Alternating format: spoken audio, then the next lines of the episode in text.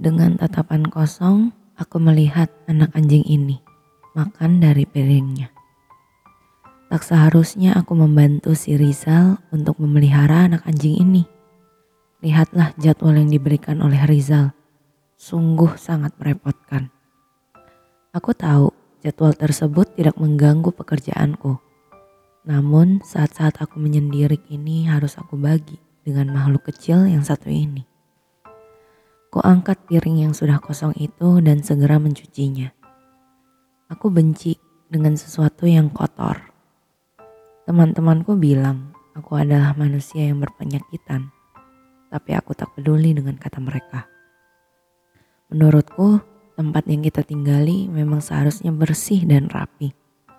Tidak boleh tergeser satu sentimeter pun, karena itu akan sangat mengganggu estetika sebuah ruangan. Tak heran aku bisa menjadi seorang interior designer yang sangat dicari oleh orang-orang saat ini. Teleponku berdering. Halo? Kenny, bagaimana keadaan Dogi? Tak merepotkan bukan? Dia anak yang sangat baik dan pintar. Kau akan jatuh cinta padanya, kata Rizal. Sangat merepotkan, kataku. Hei, kau teman baikku kan? Kau sendiri yang bersedia menerimanya. Aku tak memaksa loh, kata Rizal. Iya, aku tahu, kataku. Jika ada apa-apa, hubungi aku saja, Aku sudah memberikan nomor vet kepadamu kan? Jika ada hal yang membahayakan, kau telepon saja vet itu terlebih dahulu, baru kau menelponku, kata Rizal.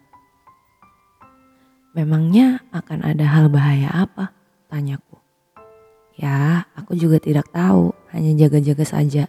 Jangan lupa untuk mengajaknya berjalan-jalan sore. Jika tidak, rumahmu akan hancur, kata Rizal. Cepatlah pulang, Kau sangat merepotkan, keluhku. Terima kasih sobat, aku akan ada meeting sebentar lagi.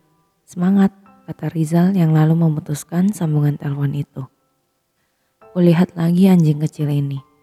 Rizal benar-benar sedang membunuhku secara perlahan. Aku tak pernah bisa menjaga makhluk hidup seperti ini. Apalagi makhluk yang sangat gesit dan bawel. Hei hei jangan di situ Dogi, kataku. Lagi-lagi aku harus mencuci karpet itu lagi. Ini benar-benar membuatku frustasi. Bagaimana caranya memberitahu seekor hewan untuk melakukan bisnisnya pada tempatnya, bukan di atas karpetku. Ah, aku sudah telat, kataku panik. Aku pun meninggalkan karpet itu ke dalam laundry bag dan segera bersiap-siap untuk pergi bekerja. Ketika aku hendak ber Jalan keluar, Dogi itu berdiri di depan pintu dan memberikan aku wajah lugunya. Kata Rizal sebelum aku pergi, aku harus memberikan mainan yang berisi cemilan untuknya. Aku pun berjalan ke arah dapur, mengambil sebuah mainan yang sudah kuisi full dengan cemilan dari dalam freezer. Aku bersumpah pada diriku sendiri bahwa ini adalah pertama dan terakhir kalinya aku membiarkan seekor makhluk hidup berada di rumahku. Aku taruh mainan itu dan aku pun pergi meninggalkan Dogi itu sendirian. Kenny, kata Gina salah satu rekan kerjaku. Hai Gina, kataku. Gina mengecek jam tangannya. Tumben. Dogi, kataku. Oh, pantas Rizal punya ya, kata Gina. Iya, kataku. Repot? Tanya Gina lagi. Sangat, kataku. Gina hanya tertawa kecil dan berkata, tapi kau terlihat lebih cerah pagi ini. Aku melihatnya dengan tatapan bingung. Perasaanmu saja, aku sama seperti kemarin. Dentingan lift pun membuyarkan pembincangan kami pagi itu. Gina dan aku pun berjalan menuju meja kerja masing-masing. Seharian pikiranku tidak bisa fokus. Aku sibuk memikirkan keadaan Dogi di rumah. Aku khawatir jika dia menghancurkan seluruh isi rumahku.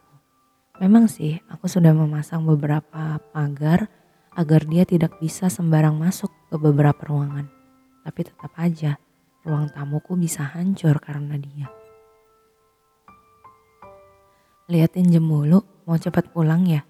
Tanya Gina menggodaku. Enggak, kataku. Masih lama, ini baru jam satu siang, apalagi kalau nanti ada lembur dadakan, kata Gina. Aku hanya diam saja, tak menghiraukan perkataan Gina. Nih, kontak dok Volker yang biasanya Rizal pakai jika dia sedang lembur, kata Gina memberikan sebuah kartu nama. Tak perlu, kataku. Kutaruh di sini, kata Gina lalu pergi meninggalkanku. Ku ambil kartu nama tersebut. Apa yang sedang aku lakukan? Batinku. Halo, apakah ini Dok Walker? kataku berbicara pada telepon genggamku.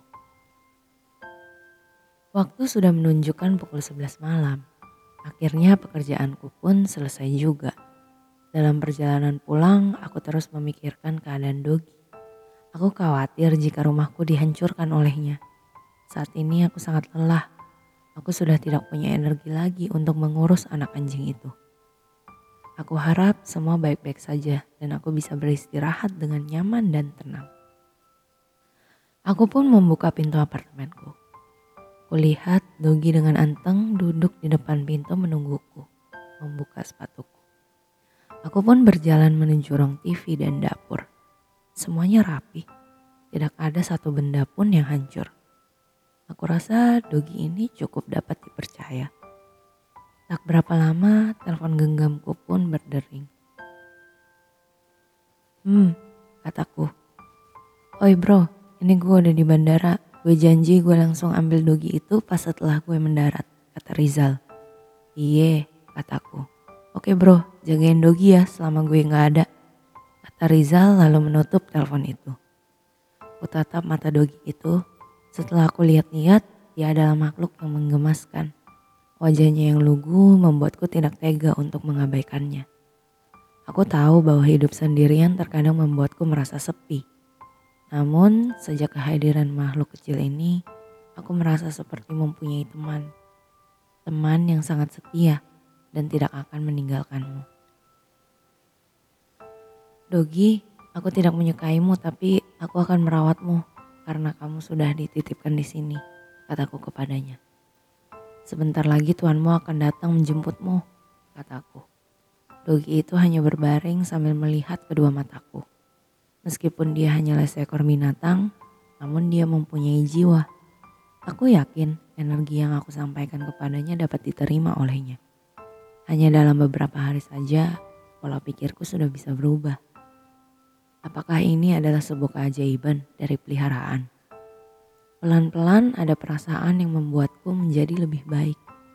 Pelan-pelan ada sesuatu yang membuatku tenang. Seakan sebuah luka lama kini mulai sembuh.